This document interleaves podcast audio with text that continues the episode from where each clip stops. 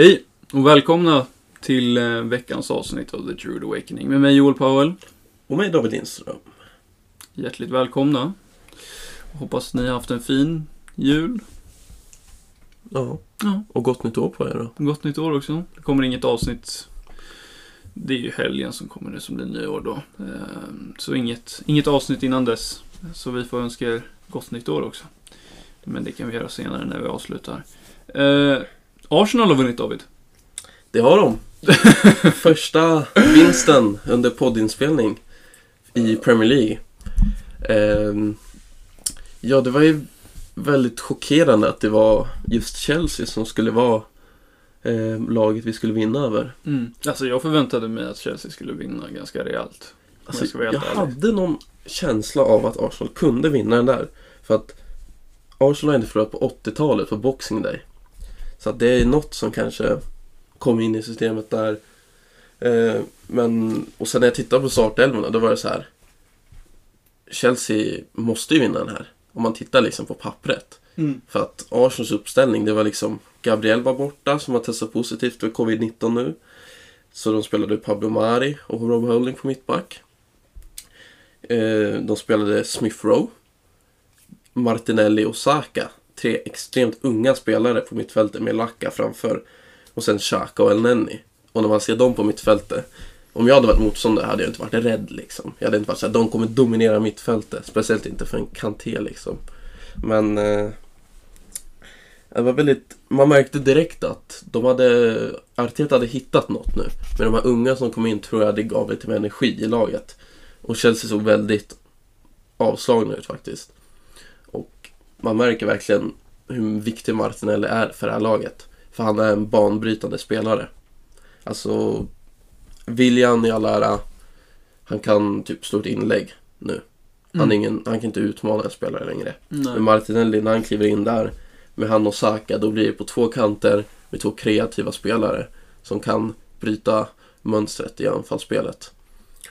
Och eh, sen, eh, eh, ja, 1-0 målet, straff. Eh, det var en ifrågasatt straff för att eh, det var knappt kontakt på Tierney och han gick i backen. Och Tierney sa i intervjun efter matchen till och med att eh, då fick han frågan eh, eh, Är du säker på att det var straff? Han sa nej, jag är inte helt säker, jag har inte sett reprisbilden än. Jag kände bara kontakten, jag gick ner i backen. Sen gick Lacazette då fram, tog straffen. Säker straff, skickade målvakten åt fel hörn. Det var viktigt för Lacazette, kände det som. Med till mål, han kanske kan komma igång lite. Eh, sen, eh, sen var det Chelsea var inte jättefarliga, men det känns som Arsenal har ett misstag i sig. Och det kom ett misstag från Elneny på mittfältet. Kontring, Timo Werner. Eh, hade en mot en mot Rob Holding och av någon anledning så blev Rob Holding van Dijk och styrde honom och sen värsta glidtacklingen ut i hörna. Sen eh, får Arsenal en frispark. Granit Xhaka. Den personen kliver fram och tar en frispark. Var väldigt fin. Väldigt fin frispark. Han har ju bra tillslag. Ja, ja. Så att eh, det var inte jättechockerande att han satt den, men i det här läget så... Alltså alla var övertygade om att sälj Xhaka i januari. Efter han tog röda kortet och inte bad om ursäkt. Men han sa ju sen efter matchen att action speaks louder than words. Mm. Så att det kanske var hans ursäkt. ja. Men alltså man- jag tänker så här, alltså bara för att Xhaka sätter en frispark i ett London-derby. Alltså, Men han var, han var också jävligt bra i matchen. Mm. Det här var så här Ja, ja. en Xhaka. Han, han liknar lite många Arsenal-spelare som Özil liksom. När han plockar fram sin bästa sida. Då var det så här. Om man kunde spela så här hela tiden. Då skulle han ju vara en jävligt bra mittfältare. Det var Mm. det man trodde man köpte från Mönchengladbach för massa år sedan. mm. Ja, och sen eh, matchen fortsätter. Saka gör kanske ett av årets skummaste mål. Det, man, det ser ut som det är ett menat inlägg. Och det var det säkert. Får en felträff. Skruvas in i bortre. Sen la han ju ut på Twitter att eh, det var precis, han såg att målvakten stod helt felplacerad och la in den. Då kommenterade Jack Grealish att You big effing liar, typ så här. Mm. Men såg du det efter matchen när Tammy Abraham och Bukayo Saka stod och pratade? Mm. Och då sa ju Tammy Abraham, you did mean it liksom. Mm. Att det var inte ett menat skott liksom. Ja, så att, jag vet inte, det är mm, Men ett mål är ett mål. ett vanligt mål. Sen, eh, sen gjorde Arteta, han tog ju ut eh, så Martinelli och någon och satte in liksom Pepe. Alltså, och sen märkte man att de bytena han gjorde och han satte in Joe Willock istället för Smith Rowe. Det sänkte Arsenal och ta in de spelarna. Och då märkte man att Chelsea fick lite med hugg. De fick ett mål. Tammy Abraham bröstade in den på ett inlägg efter dåligt försvarsarbete från Arsenal. Sen drog Pablo Mari på sig en straff efter att han spelat jättebra hela matchen. Om han inte hade dragit på sig straffen, kanske man of the match. Sen kommer Jorginho, släpper fram och gör sitt hoppsasteg. Leno står kvar och bara väntar ut honom. Ja men det var ju exakt det Alisson gjorde mot Mm. Chelsea också. Och folk började läsa av det där. Mm. Det är ju... Och det såg man ju med Mendy mot Bruno Fernandes. Han ju Ja. samma typ. Mm. Alltså dess, om du står kvar och inte går på och går tidigt, då har du en större chans än att chansa. Ja, ja, ja. För de väntar ju på målvaktens rörelse. Men om du som målvakt väntar på hans Mm. Då, rörelse. kommer, då kommer ju spelaren, strafftagaren, kommer ju bli Ja.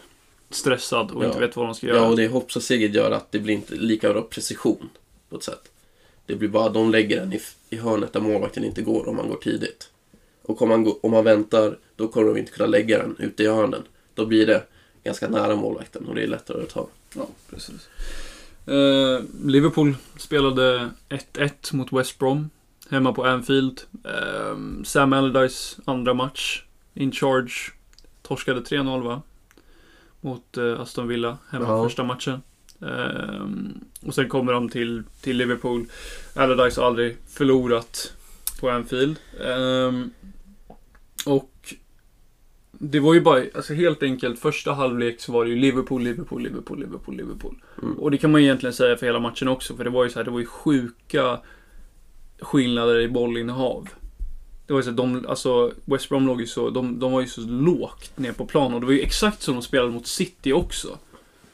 De kunde knipa Mm. poäng där. Och jag menar, Liverpool gjorde inget speciellt fantastiskt jobb framåt heller. Alltså, de, vi spelade som vi brukar göra, försökte spela kontringar, funkade inte.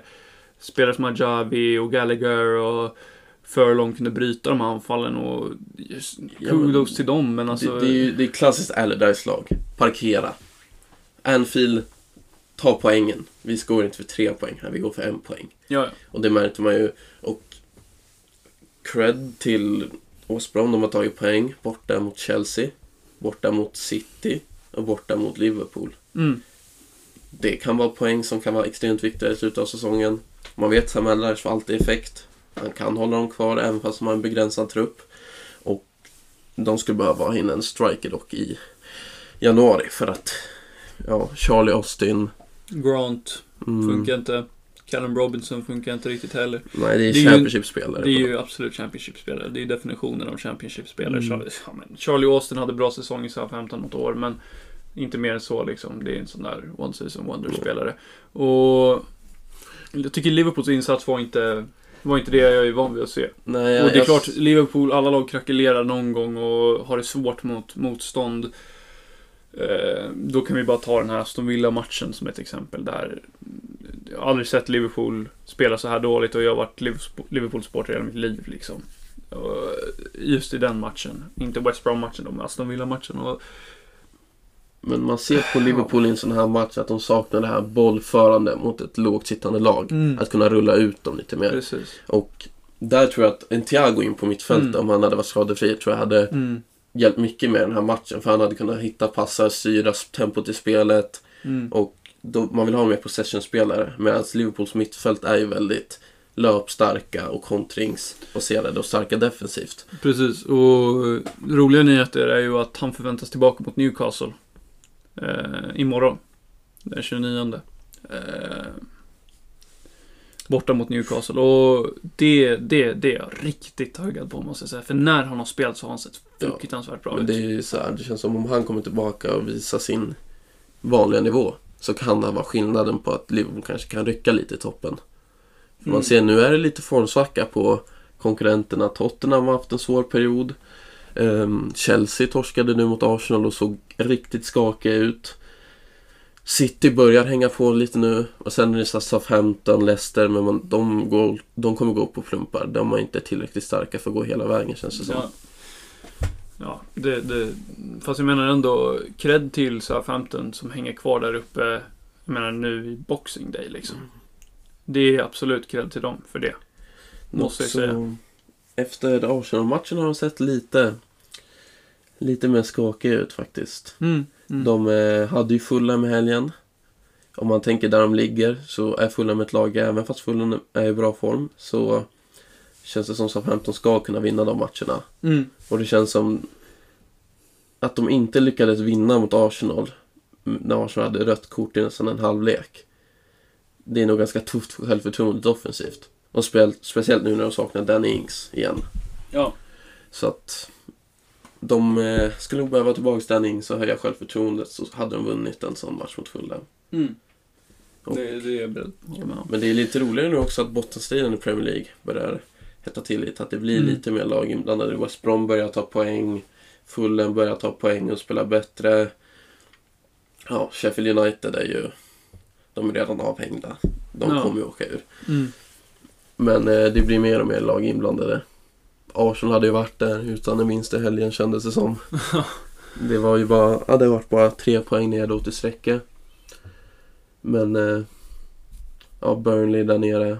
Mm. Men de börjar också komma igång så att det blir lite, det blir en roligare säsong det här i Premier League. Ja. För man, är- nu har man varit ganska van med att City har riktigt toppen, förra året Liverpool riktigt toppen. Det har, och i bottenstriden förra säsongen i slutomgångarna var det ganska tajt där. Aston Villa klarade sig precis kvar. Mm. Och den egentligen andra fighten var ju topp fyra där, Leicester United, Chelsea. Mm. Men det blev ju inte så det blev ju inte så hett i slutet som Leicester spelade så, så dåligt i slutet av säsongen. Ja. Men det blir lite roligare med, med jämnare liga. Att det känns som det är ingen garanti vem som vinner i år. Nej, nej. Absolut. Men hade Arsenal förlorat matchen mot Chelsea, hade det varit Arteta out då? Eh, tydligen ska det ha kommit snack om att ehm, Arsenal skulle inte tänka på att sparka Arteta förrän vi låg under strecket. Ja. Om man låg i en nedflyttningsplats, då måste man agera för att Ja, men om vi ligger där vi ligger nu och vi inte åker ner och även om vi sparkar Arteta och tar in någon tränare som får effekt nu det kommer inte betyda en topp 4-placering. Ja. Kanske inte ens en Europa League-placering. Vi ligger så långt bak nu. Ja. Så att det var så här, om han inte går så dåligt så kan vi genom januari och sommaren och fortsätta bygga på sitt arbete. Ja. Och eh, det är också mycket prestige i det här som klubb. När du har, väl börjat sparka och, och anlita tränare och det går ganska snabbt emellan så till slut måste du verkligen ge kandidaten en chans. Det ser man med United. Efter Ferguson, Moyes fick en säsong. Van Gaal fick två, tre säsonger. Ja. Mourinho fick två och en halv. Sen Solskär. Han har ju haft så här stunder när man tänker, ska han inte få sparken nu? Kanske är han rätt man. Men jag tror eh, Woodward känner att det här var verkligen kanske hans sista gubbe som han kunde satsa på. Då ska han ge honom maximala chansen att göra sitt. För att om Solskär skulle lyckas med något, då skulle det se ut som en väldigt bra rekrytering av Woodward. Och det tror jag Arsenal också kanske tänker. Att om Arteta skulle kunna bygga vidare på det här och vi etablerar oss, oss i toppen igen. Då skulle det se ut som ett väldigt bra val. Att gå bort från Emery och gå till Arteta. Ja. Jo. Nej, jag håller med. Eh, det låter rimligt. Men eh, vi tänkte idag prata lite om ett Fall from Grace. Och just Portsmouth. Eh,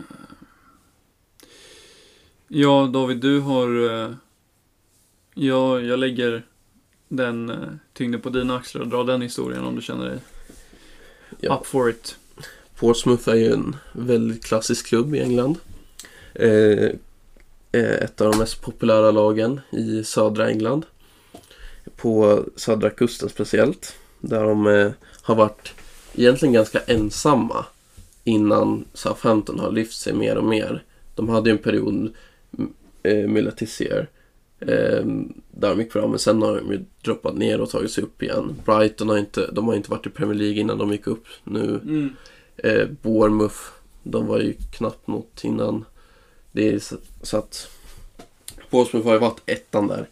Eh, men, och de har haft framgång. De har vunnit ligan två gånger. Mm. Dock så var det 49 och 50, 1949 och 1950. Så det är väldigt länge sedan. De har vunnit FA-cupen två gånger. Senast var 2008. Eh, och under den här perioden så gjorde ju Portsmouth en typ av satsning på att liksom bli kanske en etablerad toppklubb i Premier League. Utan egentligen ha eh, resurserna för att göra det. De hade kortsiktigt det, men långsiktigt så skulle de hamna i skulder. Och därför anlitade man en tränare som Harry Redknapp som var väldigt stor i England under första tio åren eh, på 2000-talet. Man hade spelare som Sol Campbell i slutet av karriären, Lauren, David James, Peter Crouch, Defoe, Kanu, ja, med flera. Och eh, de lyckades väldigt bra där en kort period med att de kom åtta i ligan, vann eh, FA-cupen, kvalificerade sig för Europa League 2008-2009. Även fast det inte gick jättebra då så var det ändå tanke på att kan Portsmouth bli kanske det som City blev. Eh, men eh, sen 2010 så hamnade de i stora skulder. Och eh, alla toppspelare lämnade. Eh, och man eh, började resa neråt i engelska systemet. Och eh, 2013 så var de i sådana skulder så att eh, Portsmouths fanklubb köpte upp Portsmouth. För de var så lite värda att fansen tillsammans kunde köpa dem. Och de var mellan 2013 och 2017 fanägda. Och eh, låg väldigt långt ner i League 2. Tills 2017 när gamla eh, eh Disney-CEOn Michael Esner eh, gick in och köpte klubben med hans nya företag The Tornet Company. Och med det så har Watford börjat resan upp. Det har gått sakta, men de gick upp till League One. Spelade playoff förra säsongen. Dock så blev det ingen succé där. De eh, gick inte upp till Championship och eh, de fick börja om igen. Men dess, desto mer tiden går så tror ju folk att Portsmouth kommer lyfta sig. För de har en väldigt stark fanbase som kommer ge dem stöd. Och det är en liten typ av liknande situation som Sunderland. Att det går väldigt snabbt neråt. Men det är en väldigt lång resa tillbaka. Så att eh, Portsmouth kanske en av Englands mest klassiska klubbar som har glömts bort ganska mycket av en ny audience i Mm. eh, engelska fotbollen. Men eh, eh, Portsmouth på Fratton Park kan nog nå tillbaka om de fortsätter på det arbetet de har nu. Ja. Eh, mm, Som du säger, det är en väldigt klassisk klubb. Och eh, jag, jag skulle ju älska att se dem tillbaka i Premier League. Det skulle ju vara svinkul att se till eh, sydkustlag där. Och en sån klassisk klubb som har en, som har en rolig historia också. Av att vara fanägda till exempel. Ja. Alltså det är ju mer attraktivt liksom för mig att sätta mig och titta på Portsmouth spela i Premier League än på Brighton eller liksom Burnley eller något sånt Ja, ja. lag. Alltså det är, det är mycket så här lag som Bournemouth som har kommit upp från ingenstans. Det är lite fairytale story. Men alltså de här klassiska klubbarna är ju väldigt roliga att se. Men en till Fairytale-klubbar med Swansea City. Ja, Med Michu liksom. Eh, typiskt. ja det, det finns ju så här många klubbar. Som vi har nämnt Sunderland, Blackburn Rovers. Det, det finns väldigt många som har hamnat i Championship. Som Leeds gjorde ett tag. Hade en väldigt tuff period och tog sig bara upp för en, förra säsongen. Var nere över 15 år eller vad var det? Mm. Så att eh, det är alltid kul att se sådana klubbar Mm. försöka lyfta sig igen. Precis, och sådana som har haft sådana klassiska spelare. Leeds Mm. med Rio Ferdinand och, och Portsmouth med Peter Crouch och David James och Sully Montari och ah, de där spelarna liksom. Och Sunderland har ju haft sina namn genom dagarna också. Liksom. Samma med Blackburn Rovers egentligen och... Ja, de har ju haft Alan Shearer liksom. Ja. De har ju vunnit Premier League. Mm. De vann... Eh, jag vet inte om de var första, men jag tror de var första eller andra Premier League-upplagan när de gjorde om det till Premier League. Och det gick ju dock väldigt snabbt för dem också att droppa ner eh, Eh, efter de tappade Shearer till Newcastle. Men sådana här klassiska klubbar skulle vara väldigt roligt att få tillbaka. För att det blir, speciellt för deras fans också, man märker att det, det är lidsamt och vara ett fan för en sån klubb som varit så stor så länge och helt plötsligt bara puff. Det är liksom, hur skulle vi känna om Arsenal eller Liverpool helt plötsligt skulle gå i konkurs och, droppa ner till League 2 och behövde börja om. Ja, ja. Det skulle, det skulle ju vara katastrof. ja, ja. Alltså, Det skulle göra jävligt ont. även Så- fast man troligtvis skulle kunna ta sig tillbaka med de fansen man har och resurser man skulle kunna bygga upp igen. Mm. Så det, det skulle vara overkligt att sitta och titta på Arsenal möta ett League 2-lag. Ja, ja. Det är klart. Det är, så är det. Ehm. Och en klubb som Portsmouth är, är... Det är ju ett lag som man har koll på ändå. Mm. Som folk som är intresserade av engelsk fotboll vet vilka Portsmouth är. Och vet vad Portsmouth har gjort. Det Mm. kan jag ändå säga. Ja, Liksom. man, man hade ju alltid koll på att Portsmouth finns. ja, ja. Men eh, själv så tog det lite tid när man verkligen läste på vad som hände med ekonomin Mm. och liksom ägaren. Hur, hur en fotbollsklubb kan skötas på ett sånt sätt att det finns inget ansvar liksom. Nej, precis. Man, man, man värvar spelare när man egentligen inte har pengarna. Till slut, du kommer inte kunna betala lönerna. Då kommer ju spelarna fly så snabbt som möjligt. Ja, ja. Och det, det känns som det är verkligen allas fans mardröm. Att liksom att ekonomin ska förstöra klubben. Och det kan man se nu under Corona att det finns chans för många klubbar runt om i världen i fotbollen och andra sporter som kan fallera helt. Som eh, är beroende av matchday tickets. Mm, ja, ja, absolut. Och ehm, en annan klubb med sådana här eh, extrema ekonomiska besvär är ju Leyton Orient till Mm. exempel. Ägare genom åren som har bara pissat på Mm. klubben. Pissat på spelarna, pissat på fansen Ja, liksom. Blackpool också till exempel. Ja, med, det är jättebra. det är- med en ägare som jag tror han fortfarande sitter kvar. Även fast de har velat ha bort honom otroligt länge. Sen såg man nyligen till exempel Burry. Som eh, slutade existera nu under 2020. Ja, För eh, mm, ja, ekonomiska skäl. Och de eh, tappade ligan. Du ser liksom Wigan. ja. Wigan i League 2. Mm. med deras arena, med spelarna de har haft. De, det var ju... Det var knappt, det var mer, knappt tio år sedan de spelade i, också i Europa League där ett år. När Joel Elmander och grabbarna var där. Men det är, det är klart klubbar kommer gå under, sådana här klassiska klubbar. Ja, ja. Och även, man håller det ganska sentimentalt för att det är så här, man har koll på klubbarna. De här nya klubbarna har man inte någon så här större koppling till. Man har inte sett dem spela så mycket. Men för framtiden kanske nya fans kommer se på dem på det sättet som vi kanske ser på Portsmouth. Mm. Och eh, precis. Ehm, det är klart, vi kan ju inte sitta här och säga att vi var fotbollsexperter när vi var sju år gamla liksom. Det kan inte vi säga. Och... Men det här är ju saker man lär sig av familj. Ja, Och det är sånt som behöver gå i generationer.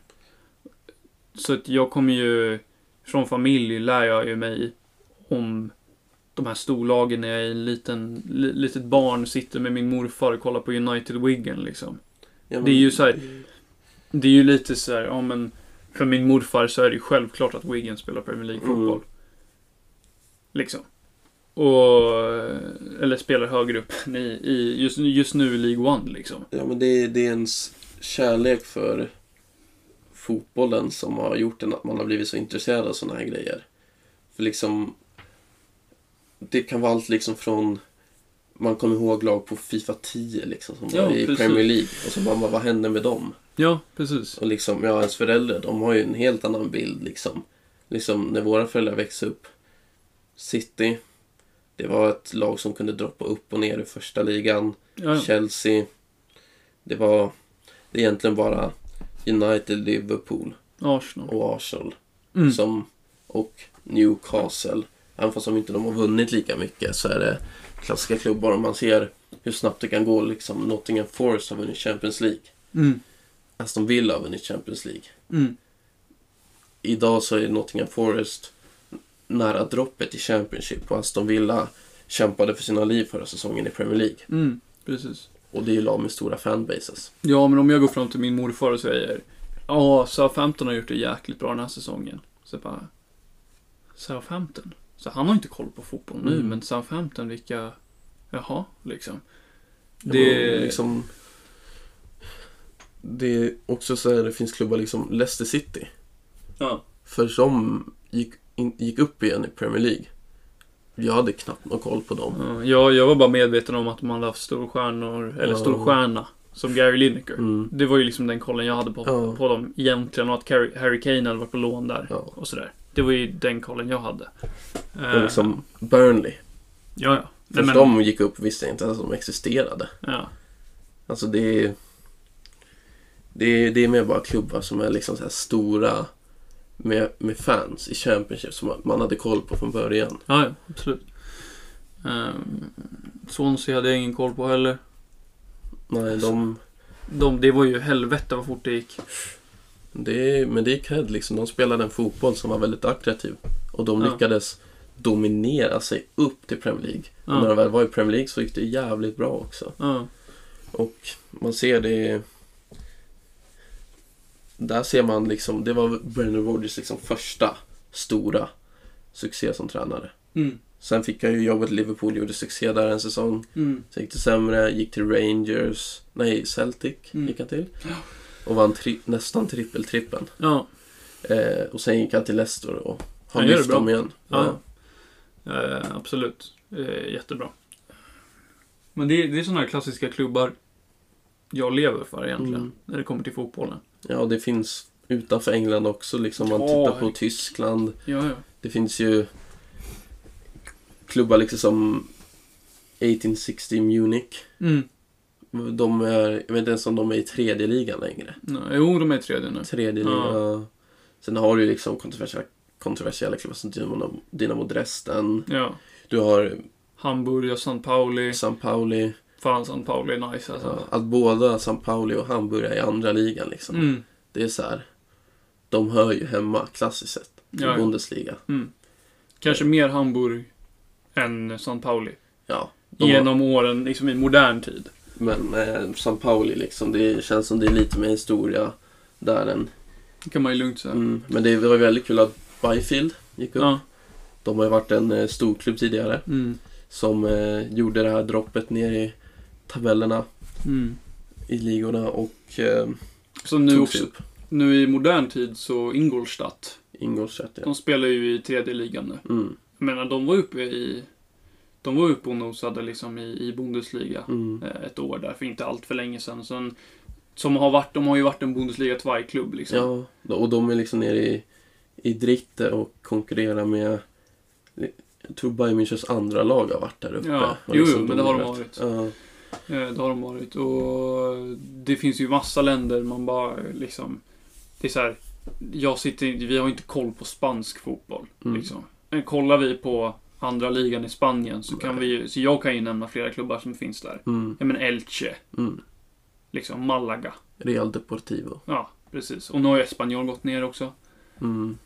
Eh, Ja, och sen Serie A är kanske de tydligaste ex exemplen ekonomiskt. ja, Liksom. ja, ja, men kolla Parma för, för Ja. några år sedan liksom. De storklubb, liksom man glömmer bort med Buffon liksom. Han började ju sin Ja. stortid i Parma. Det är ju jättemånga spelare som Ja. gör så stor tid i, i Parma. Det är ju svinmånga. Men det är, det är mycket kontroversiella saker i Italien som händer. Ja, ja. Och många av de här klubbarna kan ju droppa så otroligt långt. Ja, men- Parma har lyckats ta sig upp, Mm, vilket sen, många inte trodde. Precis, och sen den här dopingskandalen i Juventus till exempel, när de droppade.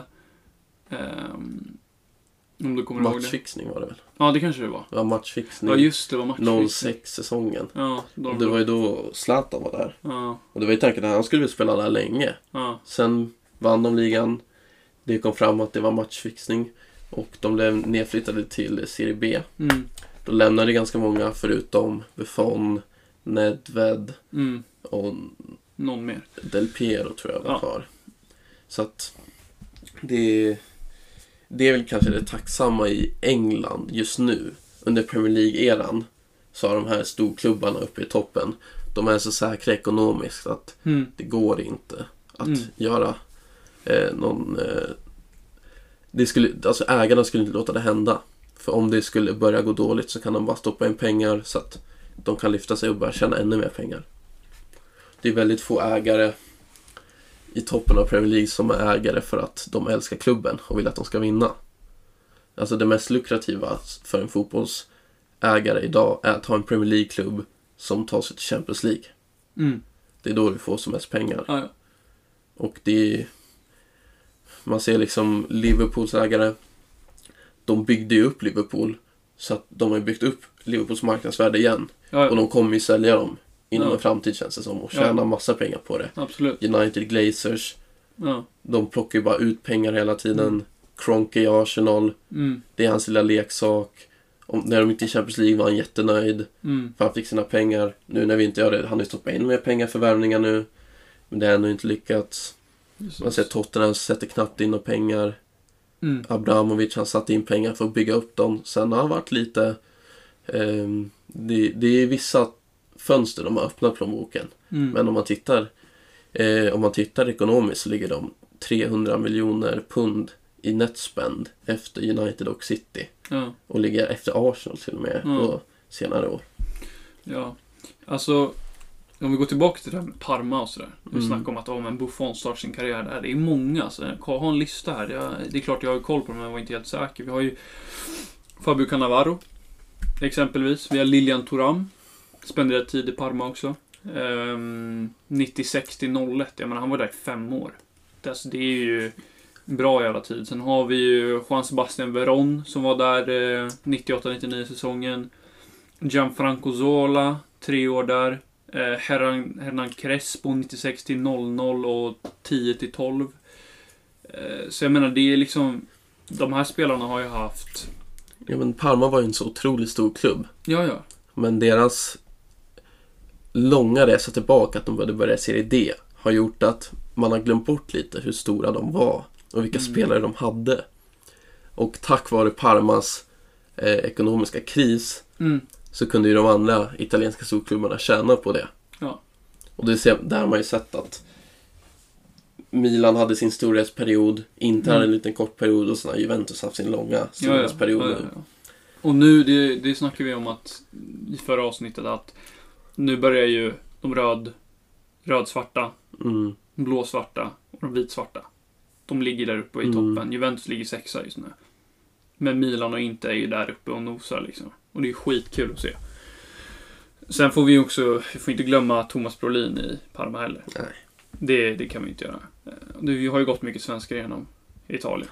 Det är en väldigt attraktiv plats för svenskar känns det som. Ja, vi har ju Mattias Svanberg Mm. och Dejan Kulusevski. Ja, det är liksom som- varit spel som Marcus Rodén som varit i Serie B. Ja. Alltså Kent Sema har varit i Udinese Ja. på lån. ja, men de har ju den där, det är ju med det med Udinese och Watford. Mm, ja. Spelare kan ju komma och gå fritt Det är hur de vill. italienska ägare där. Precis, Och det de ser kan man, de flyttade över sina spelare när Watford åkte ner till Udinese. Ja. Delefeio, Pereira. Mm, Stefano Okaka har också varit där, Mm. bland annat. Eh, Men sen också Albin Ekdal i, i eh, Sampdoria, Och många kapten. unga spelare också. Man ser Kulusevski Ja, ja, ja. kom ju fram. Tidigt. Han gick ju från Brommapojkarna till Mm. Atalanta väldigt, Och väldigt tidigt. Känns som det nästan kan gå in varje vecka och se att någon ung svensk från Bayern, Malmö, AIK, Göteborg eller något har värvats till Mm. Milans ungdomslag. Ja, precis. För det här, så här mycket pengar. Ja. Nej, men det är mycket svenskar som kommer och går. Mm. Eh, och speciellt där efter 94 så var det ju många svenskar som gick till Italien. Mm. Det var ju väldigt många. Ehm, Ja, om, om man liksom tittar. Vi följer ju Premier League väldigt hårt. Men det är ganska svensksnålt i Premier League. ja, absolut. Och det har aldrig liksom varit otroligt mycket. Nej. Eh, Det har varit Italien mycket. Nu ser man Bundesliga, Schweiz Mm. och Erste Bundesliga. Är väldigt populärt för svenskar som ska ta sig ut i Europa. Holland, Belgien, många går dit. Ja, ja. Frankrike, Spanien. Precis. Eh, spelare som kommer direkt från Sverige till Holland, Sam Larsson. Kina nu. Tyvärr, Mm. tycker jag. Alltså, Ryssland lite också. nu. Ja, jo, jo. Med Kristoffer Olsson, Claesson och Berg. Alla uppe i Krasjma där. Det är det Eh, att... Eh, Svenskar är väldigt utspridda, tycker jag. ja, och... Eh, det är ju det är ju tråkigt att Allsvenskan inte kan hålla kvar spelare lite längre. Ja, ja. För man märker ju att det kostar ju väldigt mycket när man tappar de här. Liksom som Djurgårdsreporter så är det så här varje gång det kommer ett bra bud utomlands från Kina, från Italien, ja. säljer man direkt. Och eh, liksom jag vet inte hur, om Lech Poznan var Jesper Karlströms favoritdestination att gå utomlands till. Nej. Men då gör han ju upp med eh, Ishak. Ishak. Precis. Men om vi ändå snackar lite om um, utlandsresor och bort från England och sådär så har vi eh, så har vi fått en eh, lyssnarfråga från eh, Johanna Lundblad. Som frågar så här. Bästa lag utanför Europa enligt er? Oj. Den är ganska svår. Då går ju jag direkt till Sydamerika. Ja, det tänker jag också. Och till, till Boca Juniors och Tigres. Var det- Möjligtvis, alltså så här, Var det Fluminense som spelade Ja, finalen där mot... mot Liverpool? Och de såg väldigt bra Ja, ut. jo, jo. Gabigol. Jäkla bra i den turneringen. han har ju hittat tillbaka till Brasilien. Ja. Det, det känns som det är sällan folk, spelare gör det i en tidig ålder. De, de stannar kvar i... De stannar kvar där länge Mm. i, i Europa. Alltså typ, kolla på Zé Roberto liksom. Han gick ju tillbaka till Gremio när han var i 38 års åldern Mm. liksom så här. Ja, men det är ju, titta nu, Felipe Luis Ja, ja. i Brasilien igen. Dani Alves. Dani Alves, Juan Fran har hittat dit. Ja, Liksom det är, det är nog väldigt rolig liga att titta på. Det, Det är väldigt jag, rolig absolut. fotboll. det Det är bara jag. att Vart ska man kolla på den? alltså, europe, europeiska ligor är så påtryckta på de här. För det är där pengarna tjänas. Ja, ja. Liksom, den enda icke-europeiska ligan du typ kan titta på är MLS. Annars är det... Ja, det är knappt något. Alltså, i Afrika har man ju koll på eh, Chiefs, ja, eh, Orlando Pirates. precis. Men sen Sen har väl Australien. Eh, Sydney FC, Melbourne City. eh, Melbourne Victory. Melbourne Victory, vi har Brisbane Roar, vi har Nya Zeeland också. Men sen, är inte LAFC ett ganska bra shout till ett av de bästa lagen utanför Europa? Ja, de mosade ju verkligen MLS. Ja, Det gjorde de. Och de kanske har en av bästa spelarna just nu utanför Europa i Mm. Carlos Vela. ja han är tokbra alltså. Mm. Och sen kanske för framtiden kanske um, Ja, det, Inter Miami. Ja, säkert. Alltså, för framtiden. Jag Mm. tänker om de är beredda på att göra investeringar som Blaise Matuidi och Gonzalo Higuain, alltså Higuain-bröderna. Liksom. Att komma in i det laget så tror jag nog att de kan göra ganska bra ifrån sig i USA. Liksom. Ja, men man tittar att eh, amerikanerna har märkt att fotboll är en väldigt eh, lukrativ sport. Ja, ja. Och det är därför man ser att MLS har ju växt otroligt mycket. ja. Liksom, det är stjärnvärvningar som Beckham och Zlatan har ju gjort väldigt mycket för ligan. ja, absolut. Och det, Sen har, det, är ju många, många spelare som har gått dit i, i, i alla år. Man får inte glömma bort New York Cosmos heller. Med Pelé och, och Beckenbauer och så vidare. Sen har vi ju kanske, de kanske hade, MLS har kanske haft världens mest hypade talang i Freddie Adu.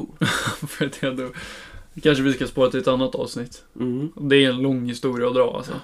Han har Jävlar hittat sig vad- till vårt land idag. ja.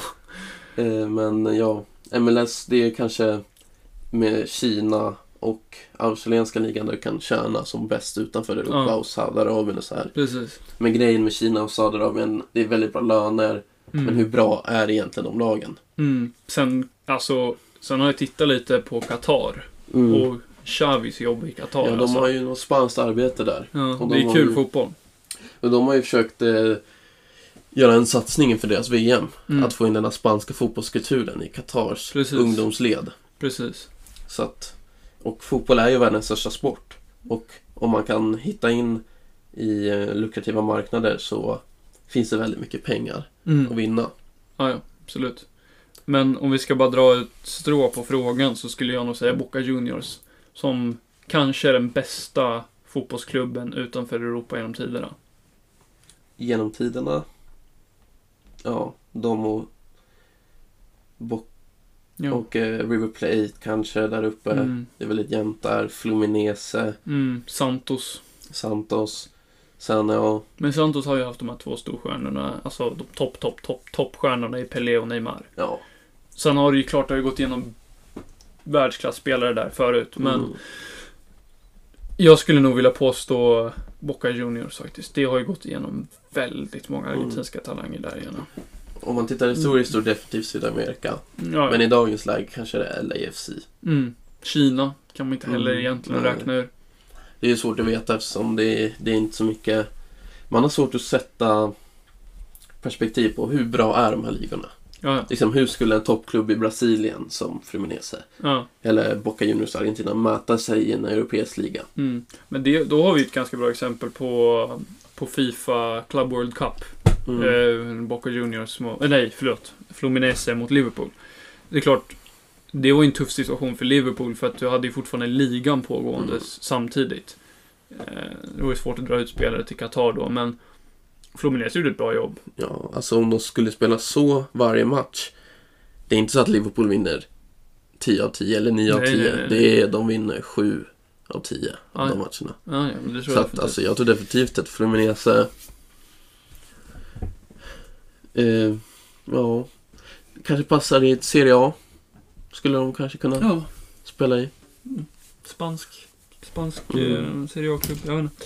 Någonting sånt där. Men jag, jag, jag står nog fast vid Boca Juniors tror jag. Mm. Bara stor del av Maradona Ja. och Riquelme Mm. och sådär.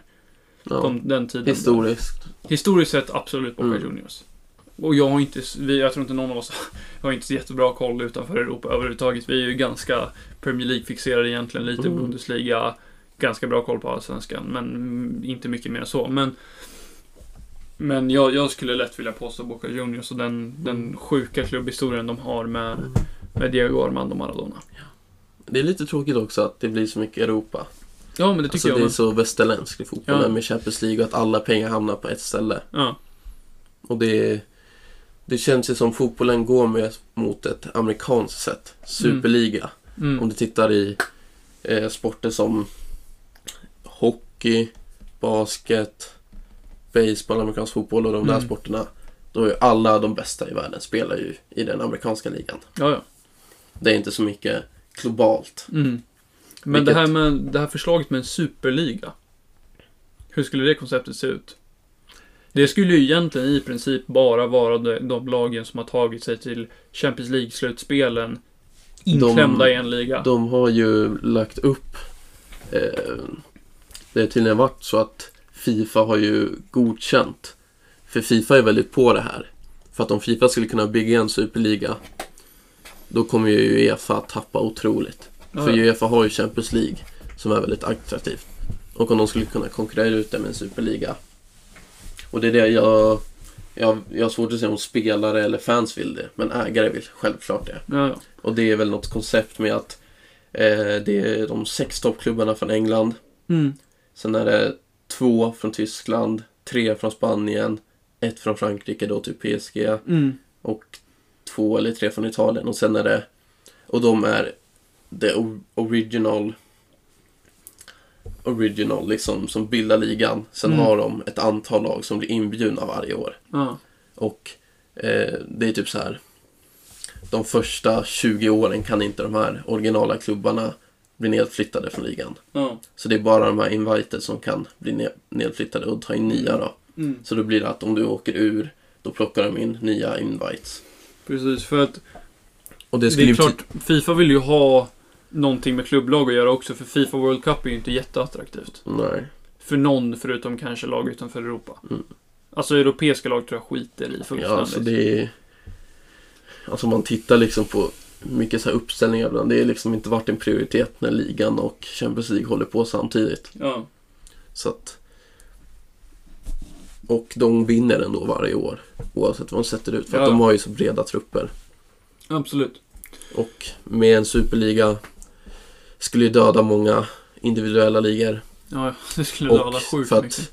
antagligen så skulle inte li- eh, klubbarna kunna spela i sin vanliga liga. Ja. Då blir det typ så här. Newcastle vinner Premier League, Everton vinner ligan Mm. utan de klubbarna. Och, eh, och då kommer all ekonomi hamna i den här superligan. Och eftersom det är så mycket bredd på den Mm. så kommer de värva alla toppspelare Mm. och så breda trupper. Precis. Och alla spelare vill ju till den här superligan. Mm, för det är där pengarna finns då. Precis. Ingen vill ju vara, om alla topp, om topp 6-lagen i England är ute, inte spelar kvar i det engelska ligasystemet, då kommer ju alla engelska spelare vilja nå superligan. Mm. Ingen, säg att Everton tar, knyper titeln om alla topp 6-lagen är i den här superligan. Fullt rimligt. Ja, och Med, sen- med det, dagen, dagens form. och det Och, och då, då kommer ju inte spelare som Dominic Calvert-Lewin som jag tror, som trivs väl i Everton vilja stanna. Då kommer ju han vilja gå till en, en annan klubb i superligan. Mm. Då kommer de här stora namnen som vi ser i mindre lag idag som Danny Ings och Calvert-Lewin och, och, och så vidare. Ja. Wilfred Zaha. Alla de här kommer ju vilja nå superligan. Ja, de kommer ju bli värvade som ett alternativ i ett av de här storlagen. Precis. De kommer säkert få spela för att det kommer vara ett sånt intensivt schema på ett sätt och de kommer tjäna bättre än vad någon i någon annan liga kommer göra som kanske ett tredje val på striker. Precis. Och det är...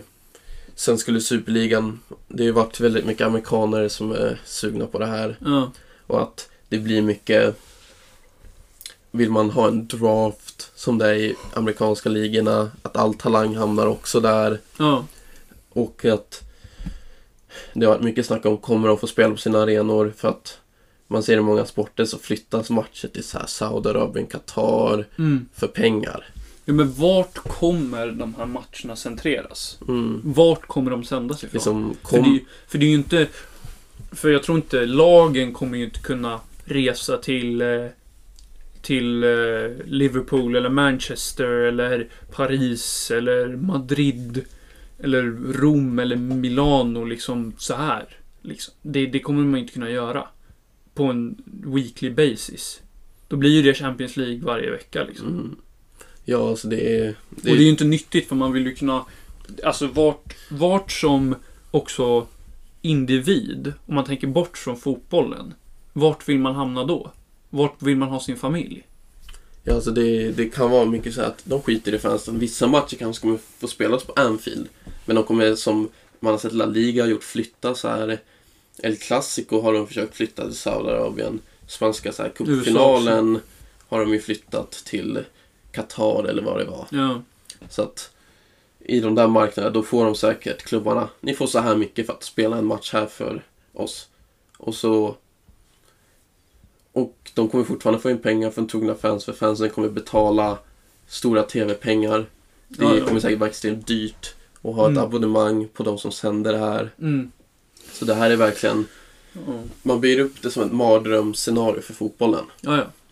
Och ja, jag skulle aldrig vilja se det i min livstid. Nej, inte jag heller. Eh, Det, jag tycker det skulle förstöra charmen av Mm. fotbollen fullständigt. Strävan att ta sig till Europaspel skulle ju försvinna Ja, totalt. ja, för, då, men- för då skiter ju egentligen, så länge ägarna är ju, är ju nöjda så länge de här klubbarna som finns i super, som äger de här super, Mm. superklubbarna finns kvar i den här superligan. Då kommer ägarna vara nöjda. De kommer, alltså de kommer ju vara nöjda av de här pengarna. Det kommer inte finnas någon strävan för någonting egentligen. Vart, vart ligger i så fall strävan mer än kanske en bonus när du vinner den här superligan?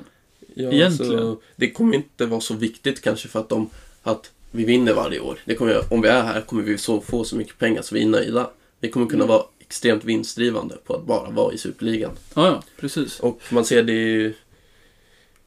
Det, ja, det blir säkert jättejämnt. Det kanske inte är en dominerande klubb varje år. Ja. Men det är så här... men, men det, då tappar man det här. Alltså det är så fint.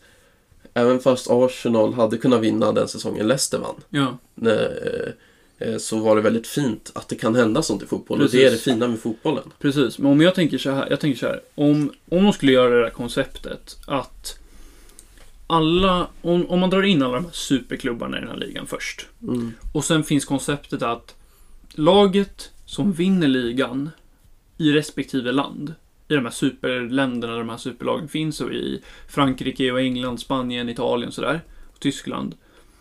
Om ett lag skrällar om Sassuolo skrällar och vinner Serie A. Och sen hamnar i den här superligan. Men vad, alltså. Det kommer ju, alltså, det kommer ju bli katastrof. Alltså det, det kommer inte ens, alltså jag tror inte det kommer vara ett koncept om att ligavinnarna i de vanliga ligorna kommer vinna. De kommer tänka, vilka klubbar har mycket fans, var kan vi tjäna mest pengar? Ja. Men Ja. någonstans måste det ju också finnas ett system för att få in de här lagen utan att... Alltså, det är konstigt om Fifa...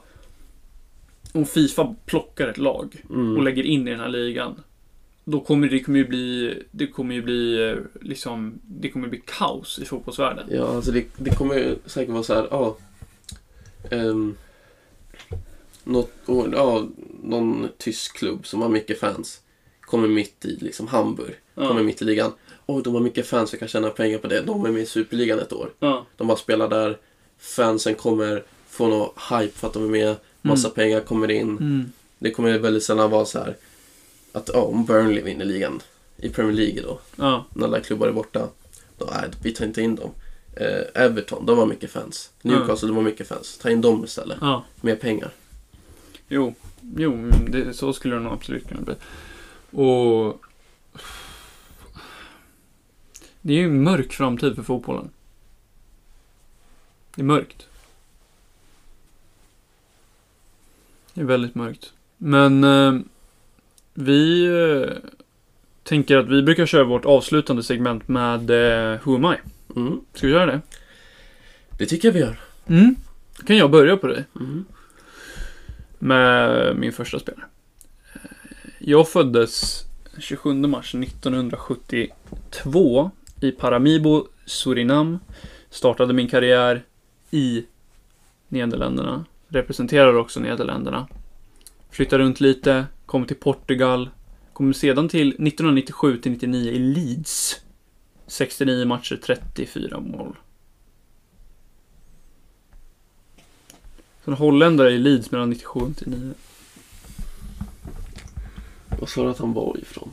Han är född i Surinam men representerar Nederländerna. Har gjort 23 matcher i holländska landslaget, gjort 9 mål. Jag försöker tänka lite. Eh, vilka har spelat i Nederländerna som inte är födda? Sedorf. Är han född i Nederländerna men han spelar för Leeds. Tänk så här, Edgar Davis. Schullit. Fast nej, det måste ju vara något 90-tal så att det är ju det är någon sådär Edgar Davis Sedorf som spelade sent 90. Vad Sedorf spelade Hmm. Kanske det är Klöivert. Patrik Kluivert. Ja. Han har också rört sig i Portugal mellan 95 och 97. Två olika klubbar i Capo, Maroense och Boavista. ja, du får ta nästa. Ja. 99 lämnade jag för Spanien till Atletico Madrid. Spelade 34 matcher, gjorde 24 mål. Efter det 00 till 04 spelade jag i Chelsea 136 matcher, 70 mål. Efter det gick jag till Middlesbrough 2004 till 2006, 58 matcher, 23 mål. Sen gick jag 06 till 07 till Charlton Athletic, 25 matcher, 2 mål. Sen avslutande 07 till 08 Cardiff City, 36 matcher, 7 mål. Edgar Davis, han hade ju någon liten trip där i engelska ligorna i slutet av karriären. Men han, han har inte spelat i Chelsea tror jag. Hullit har ju spelat i Chelsea. Mm. Men det var ju mycket tidigare än på 2000-talet tror jag. Han spelar ju... Betydligt Och Kluivert spelade väl i Barca. Sa du att han gick till Spanien till Atletico då? Mm. Oj, oj, oj. Ja, Jag är ganska lost. Det får ta nästa alltså. Eh, Jag är ju just nu tränare för eh, Burton Albion. Jag eh, är anfallare. Kanske ganska uppenbart. Jag vet inte, jag sägs vara en av de mest underskattade anfallarna i historien i Champions, i, förlåt, inte Champions League, i Premier League.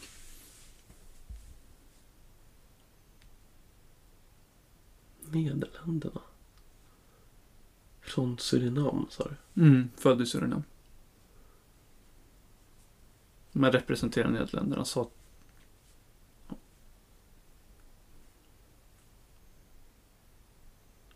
Silence.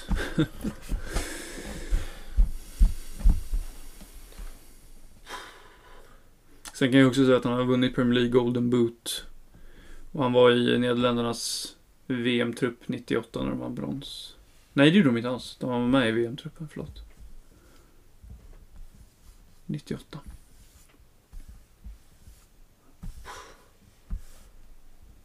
Vem är det här? Striker, det känns det är inte Kluivert. Inte fan Basten, inte Rudnist då.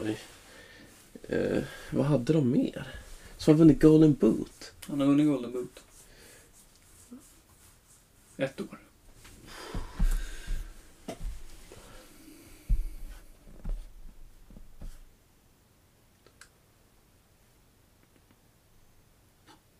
Har du någon gissning?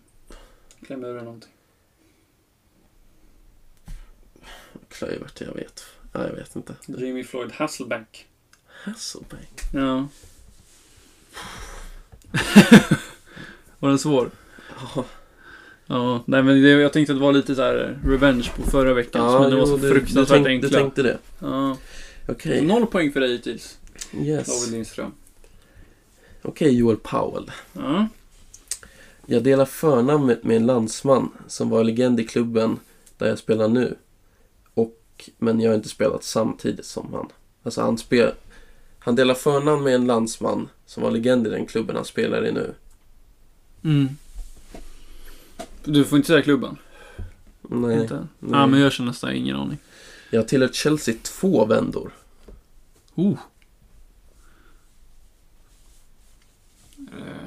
Fuh. Är det... ja, det är inte van Ginkel eller va? Eh, det skulle kunna vara. Fan Eh, Ginkel. ja. Det är inte förnamnet fan. Nej, jag vet. Men jag tänker bara van Ginkel.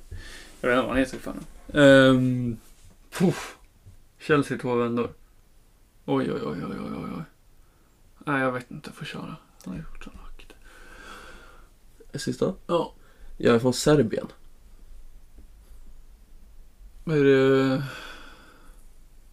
Jag tänker Brano Slavivanovic. Är det en gissning? Uh, är det någon som har spelat i West Brom som heter Branislav? Som är en klubblegendar. Ingen aning. Serb. Ah, jag kör Ivanovic. Det är Nemanja Matic. Oh, är det Nemanja? Åh, han har ju varit två vändor. Han gick ju Chelsea till Benfica och sen tillbaka till Chelsea. Mm. Och då tänkte jag första var ju Nemanja Vidic när han spelar inne. smart, smart, smart, smart. Okej, då kör jag nästa. Så det är poäng för båda. Ja, jag föddes 1968 i Rom. Eh, spenderade mina år från 85 till 96 i Italien. Bland annat Milan, Napoli, Juventus, Tirana på lån från Lazio.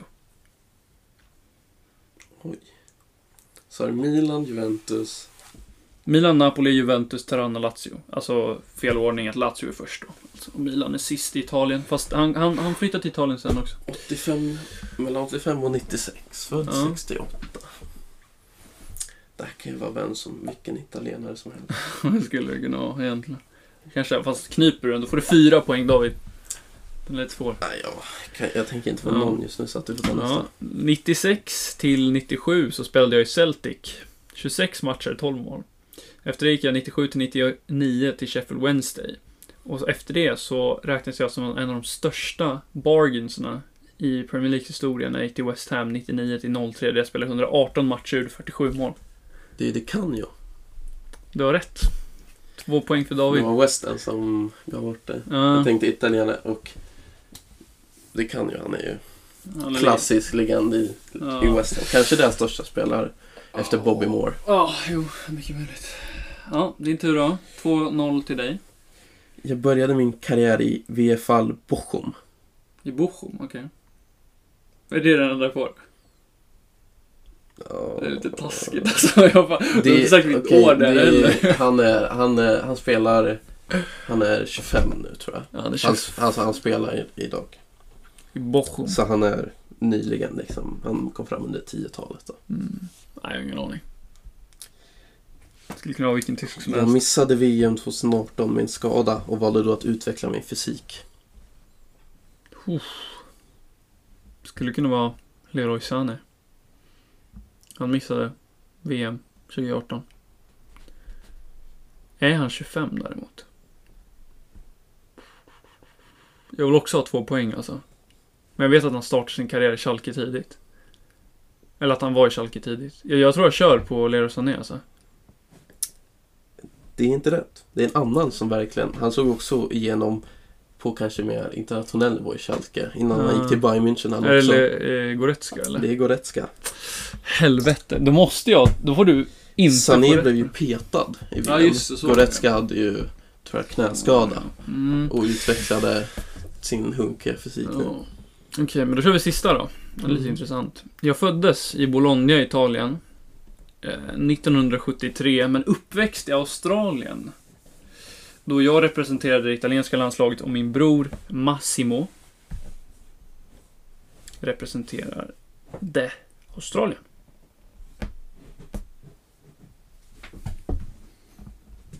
Så uppväxt i Australien. Född i Bologna 1973. 47 år gammal. Varför får jag en känsla av att Del Piero växte upp i Australien? Jag vet inte. Han, eh, han spelade i Australien i slutet av karriären. Mm. Men jag vet inte om det är... Har en brorsa som var... Nej, jag får ta nästa tror jag. Mm. Efter en dunder, ett par, eller sex dunderår i Inter, så 2005, när jag läm- 2006 förlåt, 2005, förlåt, när han lämnade 2005, Mm. så blev han utsedd, fick han priset Bidone de Oro, ett, eh, italien, en utmärkelse från italienska medier, eh, som, ja, men de den till den sämsta fotbollsspelaren i Serie A. När han lämnade Inter efter sex år och gick till Milan. Så han var ju urkass när han lämnade Inter 2005.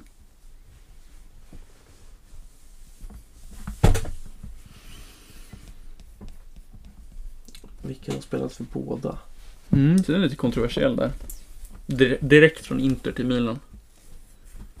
Crespo har väl spelat för båda, men han är inte italienare. Har han det? Jag tror det. Mm. Jag har inte så bra koll. Eller, nej han spelar... Han spelade ju 2005 i Milan när de Mm. eh, hade 3-0-ledning mot Liverpool, så det är nog inte han. Just det. Ja, men han är inte ens italienare, så det var... Nu.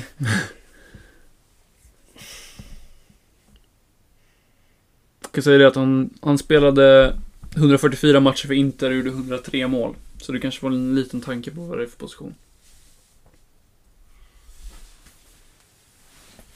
Oj, oj, oj. Den där är lite svår den här alltså.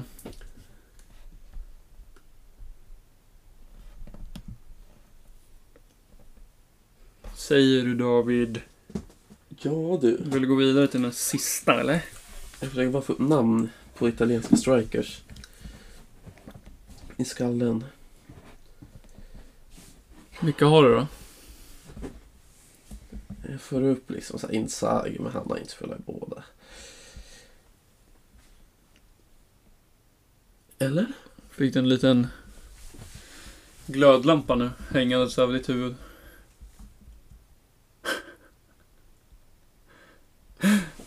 Så att, jag tänkte, va, han var ju inte i Milan när de torskade mot Liverpool. Vem då? Inzaghi. Eller var han? Jo. Var han då? Ja. För han startade inte i alla fall. Nej, Så, jag tror han var det. det känns som jag missar någon. Italienska striker. Del Piero det är inte han. Det är inte Totti. In, inte Luca Toni tror jag. Luca Toni. Ja, det är för en annan, ett annat avsnitt.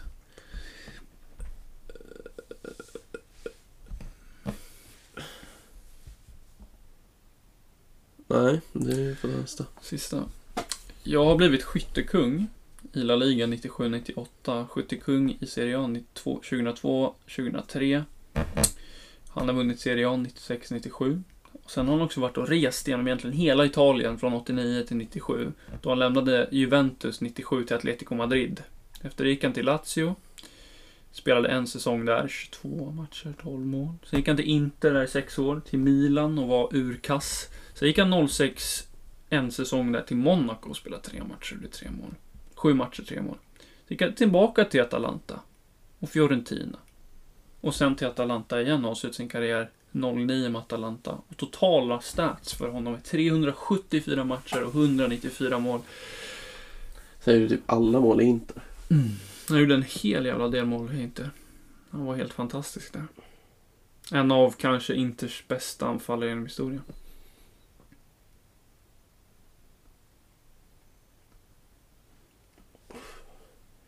Inters bästa. Mm. Han har också representerat Italien från 97 till 05. 49 matcher och 23 mål. Ja, jag försökte tänka på 06-truppen där. Mm. Nej, det är ett år innan där han avslutade. Mm. Vem... Tot- Francesco Totti tog en plats av någon. Vem var det? Jag känner jag missar någon ganska klar här. Mm. Skulle jag vilja påstå också faktiskt. Inter, Inter, Inter, Inter. Internationale. Alltså jag får ju bara upp så här Ronaldo, Adriano så här spelar inte som, Mm. mm som Brasse. Ja, som inte är italienare. Så får upp Diego Milito men han spelar inte då. Mm. Och han har inte spelat i Milan. Eh,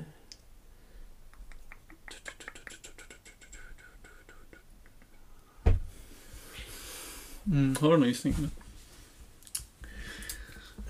Ticker. Tick, tick, tick, tick, tick. Inzaghi. Är det Pippo Inzaghi? Ja, jag säger det. Det var fel. Det är Christian Vieri. Åh! Är han... Var han inte med i VM 2006? Nej, Det var han inte. nej. Ja, men det, Då står det fortfarande det är ju 2-0. klart. Nu får jag upp han i inte-tröjan där. Ja, Han det spelar långa håret. Mm. Eller backslicken Gick kanske. han till Milan? Ja. hade jag ingen koll på. Men Så var där han blev sämsta ut... värvning. Ja. Eller sämsta spelaren i Serie A den säsongen. Oj, så han var inte bra. Men han spelar ju bara...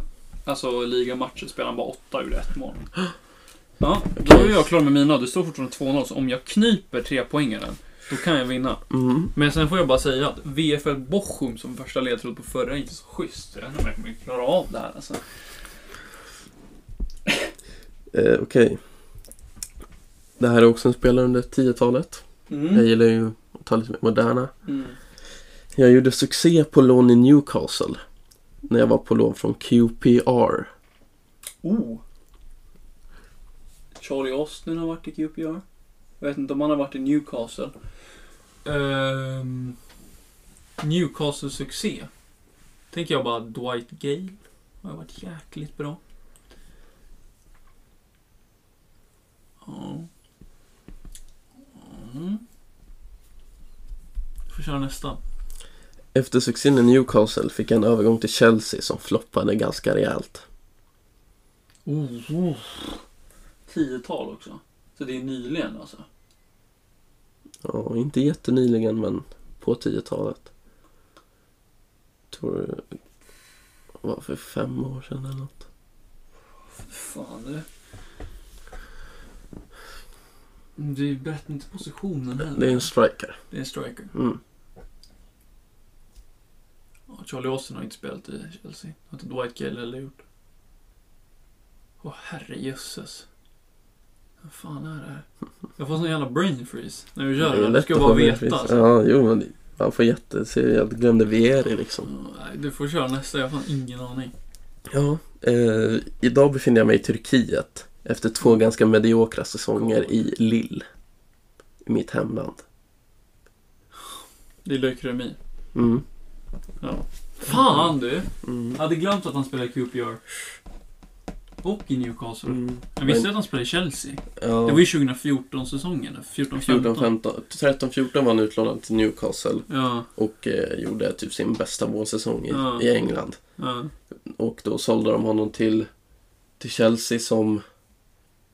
Han fick ju knappt spela för han var Ja. bakom Diego Costa liksom och Ja, Drogba. Och sen började han ju sticka tillbaka till Han var i Crystal Palace och i Frankrike och nu i rörde sig Turkiet. runt lite. Mm. Fan du. Men det är en poäng i alla fall. En poäng. 2-1. Så det 2-1. står det 2-2 nu totalt. Det gör det va? Ja, det gör det. Ja, herrejösses. det. Ja, det var extremt viktigt att jag hämtade tillbaka det här. Ja, fan. Ja, ja. Men det börjar fan bli dags nu att avrunda. Ja, Då får vi säga gott nytt år. God förs- fortsättning. god fortsättning. fortsättning. Ehm, dela gärna det här med alla era vänner och familj och sådär. Speciellt under coronatider. Jag vet att ni inte har mycket att göra än att vandra eh, och så vidare. Men eh, lyssna gärna på podden när ni är ute och Mm. vandrar. När ni, Ja. sådär. Det är bara att sätta på er Ta hörlurarna en och lyssna. promenad. Ta en Det är promenad. alltid bra med vardagsmotion. Precis. Känner man det ännu mer tråkigt så finns det en Patreon som ska börja få content Ja. också. Vi Precis. ber om ursäkt till Jesper då. Mm. För Precis. Jag är inte så teknisk men eh, det ska komma videomaterial på podden som man Ja. kan få i Patreon. Precis. Men eh, än en gång, tack så mycket för att ni har velat lyssna idag på den här veckans avsnitt av The Druid Awakening. Ta hand om er. Och gott nytt år och Gott. god fortsättning. Hej då! Hej då, hej då.